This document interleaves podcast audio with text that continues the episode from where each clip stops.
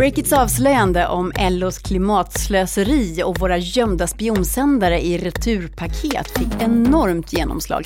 Caroline Englund berättar om reaktionerna.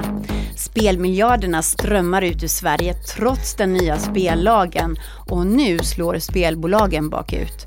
Och så om Isabella Löwengrip, är hon en influensdrottning på väg ut?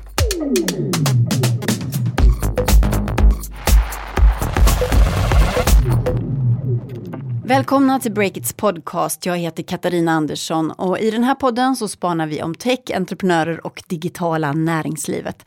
Det har varit en fin, fin vecka på Breakit. Jag ska strax berätta mer om det. Här är våra kortnyheter. Den svenska elbilsatsningen Unity befinner sig i en djup kris. Bolaget som skulle bygga en liten elbil anpassad för stadstrafik hade planer på att plocka in en halv miljard kronor. För pengarna så ville de bygga en fabrik och framställa sina tufft designade små elbilar. Men så blev det inte. Man fick visserligen in nästan 30 miljoner via crowdfunding. Nu är pengarna slut och revisorn säger att företagets överlevnad är hotad. Softbank, den enorma japanska techinvesteraren, har satsat hårt på bland annat Uber och WeWork. Och det har kostat. I tredje kvartalet gjorde Softbank en förlust på hisnande 63 miljarder kronor. Pengar det också, som vi brukar säga. Sveriges tidskrifter Stora pris går 2019 till Olle Aronsson Och så blev det storslam för Breakit när Sveriges tidskrifter delade ut priser till de bästa i branschen i veckan. Breakit tog hem titeln Årets utvecklare och Olle Aronsson och Stefan Lundell, Breakits grundare, tilldelades Sveriges tidskrifters stora pris. Ett stort grattis till oss allihop. Snart så kommer Caroline Englund hit och berättar om eftersvallet från vår granskning och avslöjande i veckan.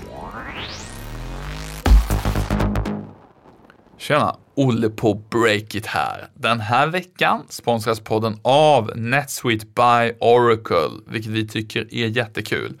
NetSuite by Oracle, de har ju tagit fram smarta så kallade ERP-lösningar som hjälper tillväxtbolag på väg ut på den globala marknaden att kunna fokusera på den egna verksamheten och låta NetSuites molnbaserade affärssystem hantera all finansiell information. Eh, det finns flera orsaker till att tillväxtbolag och scale-up-bolag får växtverk när de siktar mot andra marknader. Eh, det kan handla om rekrytering som man inte hinner med, brist på kapital eh, eller skattelagstiftning är också en annan orsak. Men även förstås IT-system kan utmanas rejält när man till exempel ska blanda in andra länders valutor, skattelagar och regelverk. Det funkar inte längre kanske att ha det här gamla affärs eller redovisningssystemet man hade när man bara fanns i Sverige. Och med NetSuites ERP-tjänst blir allt det där inte ett problem, utan en möjlighet. Och det är väl därför som eh, bland annat 18 000 företag världen över idag förlitar sig på NetSuite då, eh, för att hantera finansiell information. Supply chain management, orderhantering och annat sköter de också. Allt det där man behöver ha koll på när man expanderar internationellt. Låter det här som något för ditt företag? Då ska du surfa in på www.netsuite.com, alltså n e t s N-E-T-S-U-I-T-E.com. Tack NetSuite by Oracle.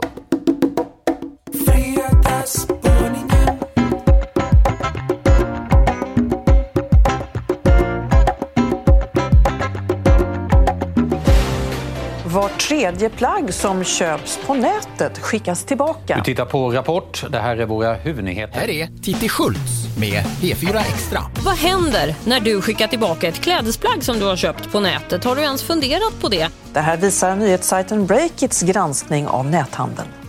Caroline Englund är reporter på Breakit och ligger bakom en granskning om vad I onsdag så slog Breakits stora granskning ner som en bomb och nu är Caroline Englund här för att berätta om reaktionerna. Hej Karo! Hej! Om det nu är någon som har missat det här, kan du kort berätta vad granskningen gick ut på? Ja, men den gick ut på att kolla vad som händer med alla paket som vi skickar tillbaka. Och en sak som jag gjorde då var att jag köpte till exempel ett par barnskor från Ellos och gömde en GPS-sändare i de skorna och sen skickade vi tillbaka dem. Och sen kunde vi då följa det här paketet som åkte hela vägen till Polen. Mm, jättespännande, man kunde se det på skärmen. Ja precis, och så där packades eh, returen om och sen skickades den tillbaka till eh, Ellos lager i Borås. Och då hade det här paketet åkt 236 mil räknade vi ut. Så det här var ju en stor del som vi avslöjade då. Mm. Klimatslöseri kan man säga. Men eh, den som vill veta alla detaljer i granskningen, eh, den finns ju på Breakit sajt och vi gjorde också en extra podd om den här granskningen. Så gå in och lyssna om du inte redan har gjort det, den finns i vårt poddflöde. Men eh, varför tror du att den här granskningen fick ett så stort genomslag? Du fick ju vara med i varenda nyhetssändning kändes det som. Allt från SVT till P4. Och Ja, det var en helt galen Ja. dag igår kan jag säga. Jag är fortfarande lite trött idag kan jag säga efteråt. Men, men jag tror att det fick så stort genomslag eftersom det här är ett ämne som nästan alla kan relatera till. För väldigt många handlar på nätet och väldigt många har skickat tillbaka något som de har handlat på nätet. Och sen är det också ett ämne i tiden. Det pratas ju jättemycket om klimatet just nu. Eh, och sen tror jag också att vi gjorde ett eh, spännande grepp. Att vi la de här GPS-sändarna i paketen och eh, följde dem på det sättet. Gjorde att det här fick extra mycket uppmärksamhet. Ni använder modern teknik för att gräva. Ja. Vad har du fått för läsarreaktioner då? Har du fått mejl och så? Jag har fått jättemycket reaktioner. Alltså, jag vet inte om jag har fått så här mycket reaktioner förut och jag har fått massor av läsarmail. Så det var jättekul igår när de bara ramlade in de här mejlen. Och det som jag kunde se var ju att eh, det var många som eh, ligger utanför Breakits kärnmålgrupp som, som hade läst det reportaget. Jag fick till exempel ett mejl från en som heter Håkan som bodde i Kalmar som ville berätta om hur han handlade och han skrev att nätshopping är överreklamerat och hyllade istället en herrekiperingsaffär i Borgholm där han Ja. köper alla sina Ja. kläder. Ja. Och sen var det Britt-Marie som ville klaga på något som hade hänt med Ellos tidigare och det var alla möjliga. Och Mm. sen var det såklart många som tyckte att det var en bra granskning och några som inte gillade den. Så det var blandat men väldigt roligt. Och en stor grej i den här granskningen det var ju att eh, Ellos inte ville svara på några frågor om hur de hanterar sina returer. Och eh, då tänker man så här, kom de ut på banan sen i efterhand? Det gjorde de ju då. Jag hade ju verkligen sökt dem så länge, ända sedan mitten av september. Och jag hade mejlat, jag har skickat sms och jag har sökt vdn via pressavdelningen, via hennes assistent. Och jag har ju hela tiden fått besked om att det här är information som de inte vill lämna ut av affärsskäl. Och även precis innan vi skulle släppa granskningen så gjorde jag ett sista försök och eh, sa att nu har vi spårat era paket med GPS-sändare. Vi vet att de hamnar i Polen, vi kommer skriva om det här. Det skulle se bra ut för er om ni kommenterade det. Men nej. De gjorde inte det? Nej, de ville inte kommentera. Jättekonstigt tycker jag. Och då tänker jag att de kanske underskattade hur stor spridning det här skulle få. För sen nästa dag så valde ju Ellos då att kommentera, men inte till mig eller till Breakit utan till Expressen och till SVT. Vad sa de då? då? Eh, ja men då eh, sa deras logistikchef att eh, Ellos bryr sig mycket om miljön och klimatet och då han bekräftade att de eh, från 2019 ska klimatkompensera för sina transporter. Och då blev jag lite upprörd så jag hörde av mig igen då till Ellos och sa att nu kan ni väl ändå svara på mina frågor som jag har försökt få svar på så länge. Och då skickade de exakt samma uttalande som de hade skickat till Expressen till mig då. Så det fick jag, men jag vill ju ha mer svar så jag skrev, men kan ni inte berätta eh, varför ni skickar dem till Polen och varför ni inte har berättat om det här förrän nu, varför ni har mörkat för era kunder. Men det fick jag inget svar på. Nej. Så hur är dina relationer med Ellos nu tror du? Det här är ju ändå ditt område som du vill bevaka och fortsätta bevaka. Tror du att det är kört där nu eller tror du att de kommer prata med dig någonsin igen? Eh, det får vi se. Det blir spännande. Ja men det hoppas vi att det blåser över. Den här lilla kränktheten då kanske. Eh, I alla fall låter det som att du har jobbat på ett schysst och bra sätt och hela tiden talat om var du ligger i granskningen och gett dem chansen att kommentera. De har fått väldigt många chanser. Men du, vad ska vi göra med all den här informationen nu då? Den här, eh, det här avslöjandet, tycker du? Nej, men jag tänker att många som handlar på nätet vill ju veta vad som händer när man skickar tillbaka en tröja till exempel, hur långt den åker. Så det här är ju jättebra att veta då att skickar jag tillbaka en tröja från Ellos så åker den till Polen. Och skickar jag tillbaka en tröja från eh, till exempel Boost, då åker den till Helsingborg.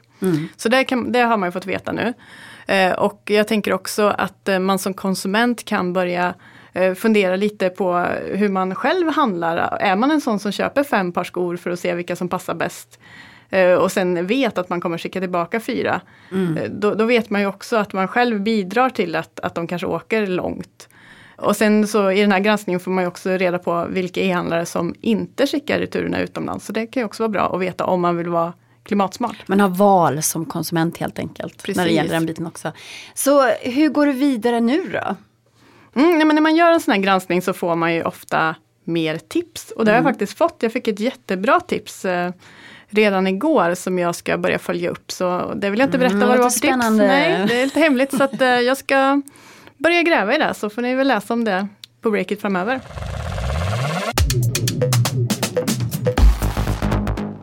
Om en liten stund så ska det handla om spelmiljarderna och vad som är på gång på spelmarknaden just nu.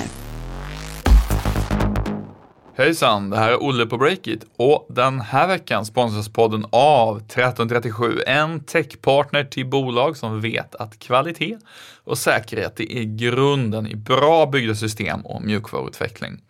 Och idag så vill Martin Masur som är CTO på 1337 ge tre tips till bolag som vill bli bättre på att beställa säkra och hållbara system och mjukvaror. Uh, nummer ett, har ni en tight budget då är det bättre att dra ner på antalet features än att snåla med kvalitet och säkerhet. En riktigt läcker knapp i rött, det är ju festligt, men på lång sikt så är säkerhet viktigare. Den röda knappen kan komma sen i nästa steg. Nummer två, kom ihåg att mjukvara aldrig blir färdigt. Antingen utvecklas den kontinuerligt eller så börjar den förfalla. Det känner jag verkligen igen mig i. Och nummer tre, eh, använd mjukvaruutvecklare som är transparenta och tydliga vad gäller risker som kan hjälpa er skapa bra rutiner. Väldigt vettiga råd tycker jag alltihop och vill du veta mer om 1337 gå in på 1337.com där 13 skrivs med bokstäver och 37 med siffror. Tack 1337!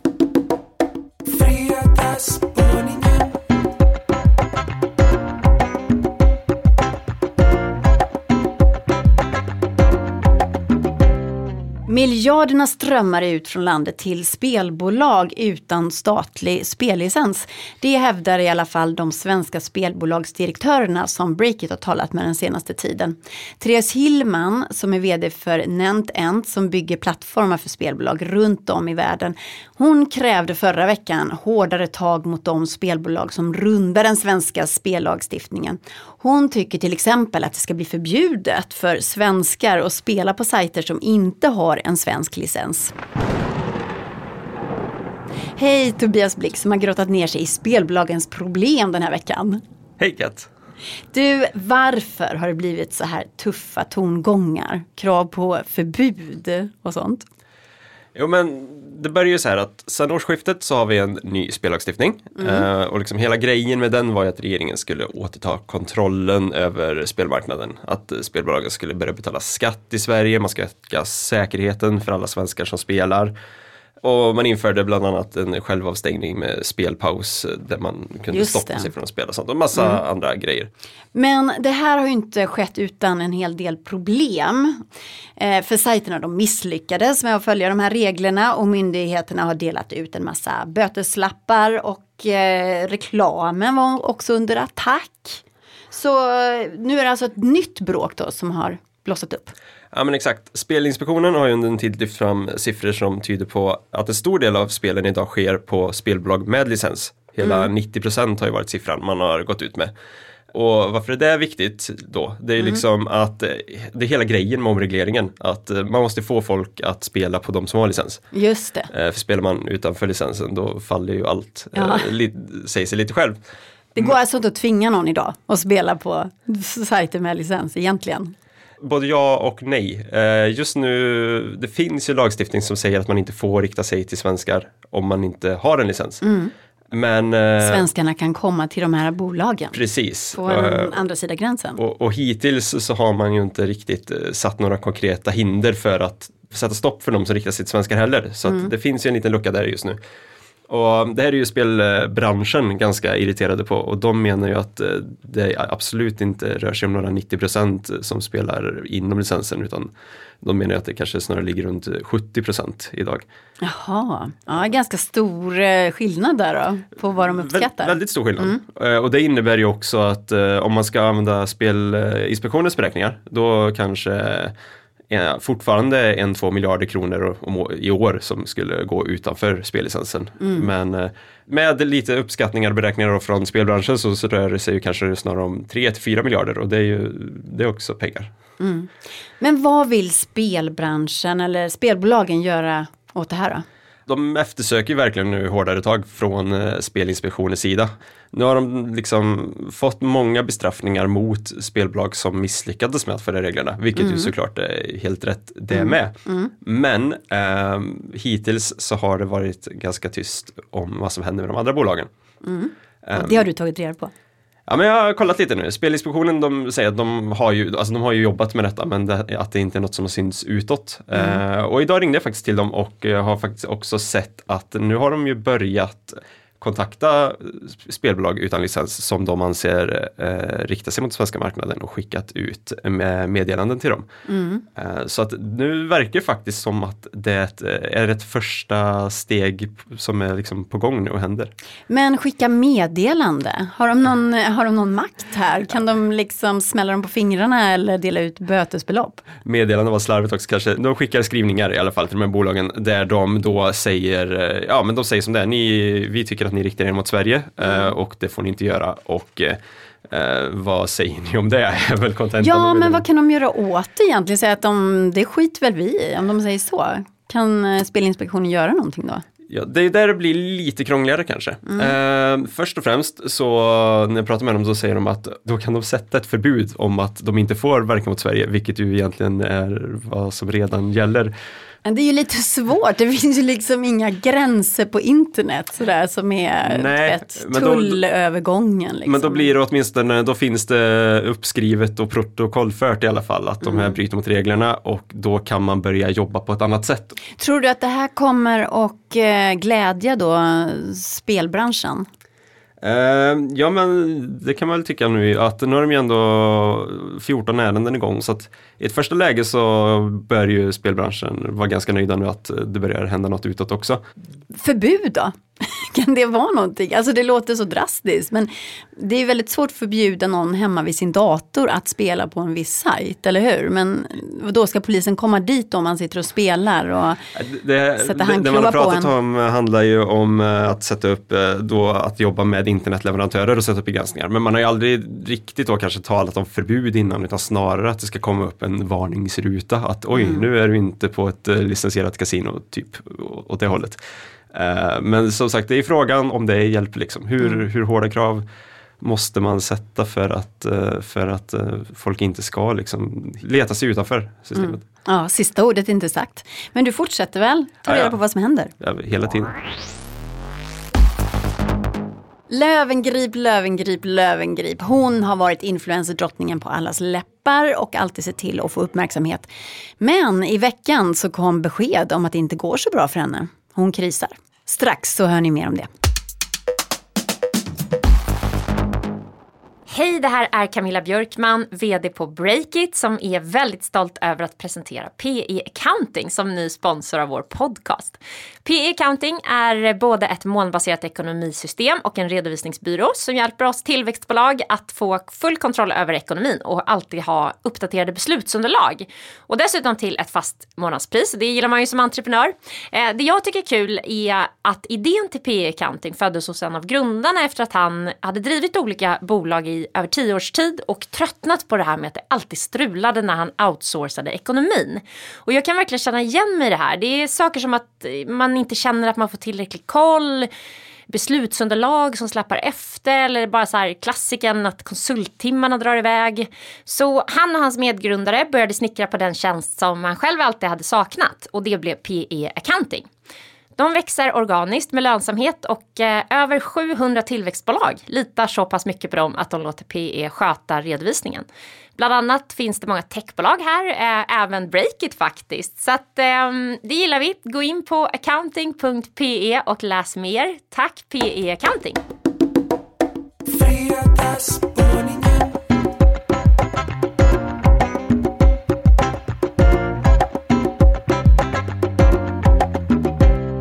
Isabella Löwengrip har hamnat i ekonomisk kris och i veckan kom beskedet att hon tvingas både sälja sitt hus och säga upp personal. Själv så drar hon paralleller mellan sina egna problem och kraschen i Lehman Brothers. Johanna Ekström som är reporter här på Breakit, du har hängt med i alla de här turerna. Hur har Lövengrip hamnat här? Ja men exakt varför är, vet man ju inte riktigt men där får man ju förlita sig lite på vad hon själv säger. Men jag tror faktiskt inte att det behöver vara superkomplicerat utan jag tror att hon har levt över sina tillgångar. Hon har eh, gjort en stor felsatsning eller en kostsam satsning som aldrig lyfte i USA och samtidigt som det så har försäljningen på de befintliga marknaderna eh, halverats i hennes då skönhetsmärke. På tal om USA, kom hon någonsin iväg dit egentligen? Nej, hon gjorde ju aldrig det. Men hon, hon, hon anställde en person och hon skaffade en lägenhet och, som också fungerade som någon slags kontor tror jag. Och, hon var ju på möten och sådär. Men, mm. men det var ju inget som gav någonting. Hon fick ju nobben av Sephora och hon fick nobben av de här lyxinvesteraren eh, LV MH heter mm. de. Ja, men jag tycker bara att det är spännande för att hon drog ju på ganska stort och sa att hon lämnar Sverige nu och sådär. Ja. Mm. Och sen och, blir det bara en krasch. Ja och det har väl varit jättetufft såklart. Mm. Eh, men hon har i alla fall ändå hållit uppe den här livsstilen lite trots att det inte har gått så bra.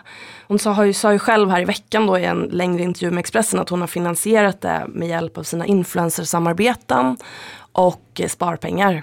Så det är ju det, är det hon har levt på. Mm.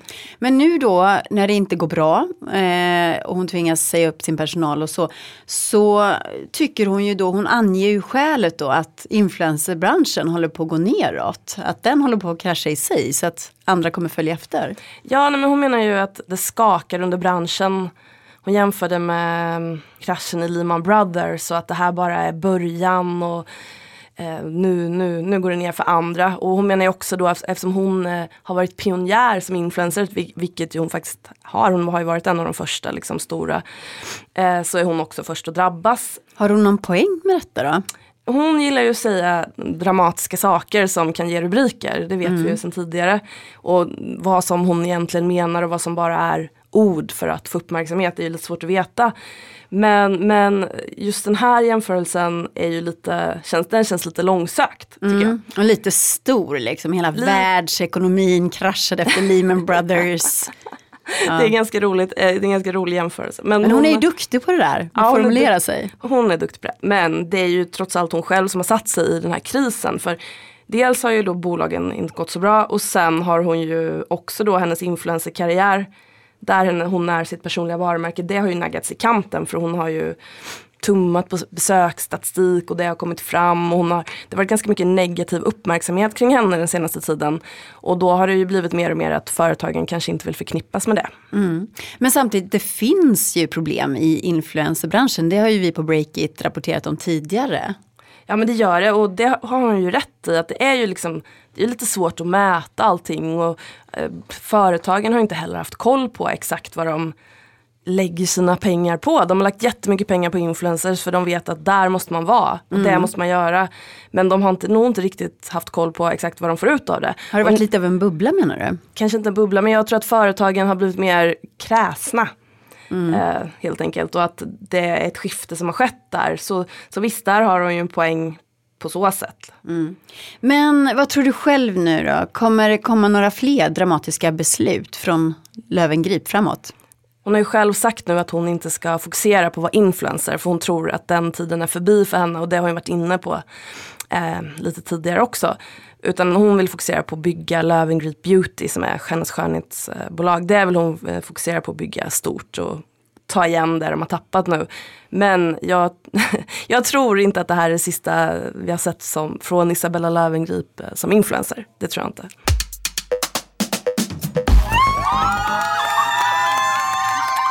Tack för att du har lyssnat på Breakits podcast den här veckan. Ansvarig utgivare är Olle Aronsson. Jon Wahlqvist är poddredaktör. Vår ljudkonstnär heter Fredrik Nilsson. Du hör Breakits podcast med mig, Katarina Andersson, nästa vecka igen om du vill.